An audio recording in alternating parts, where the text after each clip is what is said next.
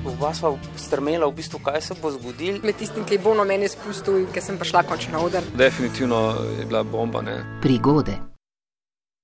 Kratek uvod. Marko je v začetku tedna s prijatelji končal sestanek, zgodaj popovdan so po uspešnem sestankovanju obstali v enem od blejskih lokalov, ki ga sicer z druščino niso obiskali prvič. V prijetnih temperaturah in na soncu si privoščijo hladno pivo, pomemben podatek, to je bilo 1. julija. Ko smo mi tole srkali, pride gospodična natakarica in nam začne na mizo zatikati uh, cenike. Ne? pač neka običajna stvar, smo si mislili, ona se poheca zraven še ob tem, saj mislili smo, da se je pohecala. Fantje, zdaj bo pa vse dražje. Mi smo rekli, seveda bo, ne, sej taka inflacija, pa kriza, pa to, ampak eno rundo pa še vse en prnese. In ona dejansko prnese to rundo. Popijejo, na kar se odločijo plačati.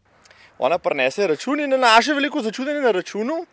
Uh, najprej prvo pivo po, po, po 2,50 evra, drugo pivo po 3 evra. In smo rekli, da spoštovana gospodična, uh, računalnik vam nekaj ne dela, blagajna, blagajna ga lomi, tole ste pa nekaj narobe obračunali. Pa reče, ne, ne, vse sem vam rekla.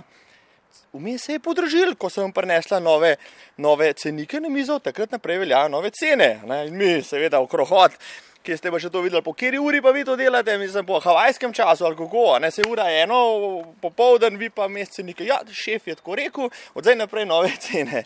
Um, Mi smo seveda s smehom to plačali, simpatična gospodična je bila, seveda nismo hoteli heca, čeprav račun smo seveda shranili.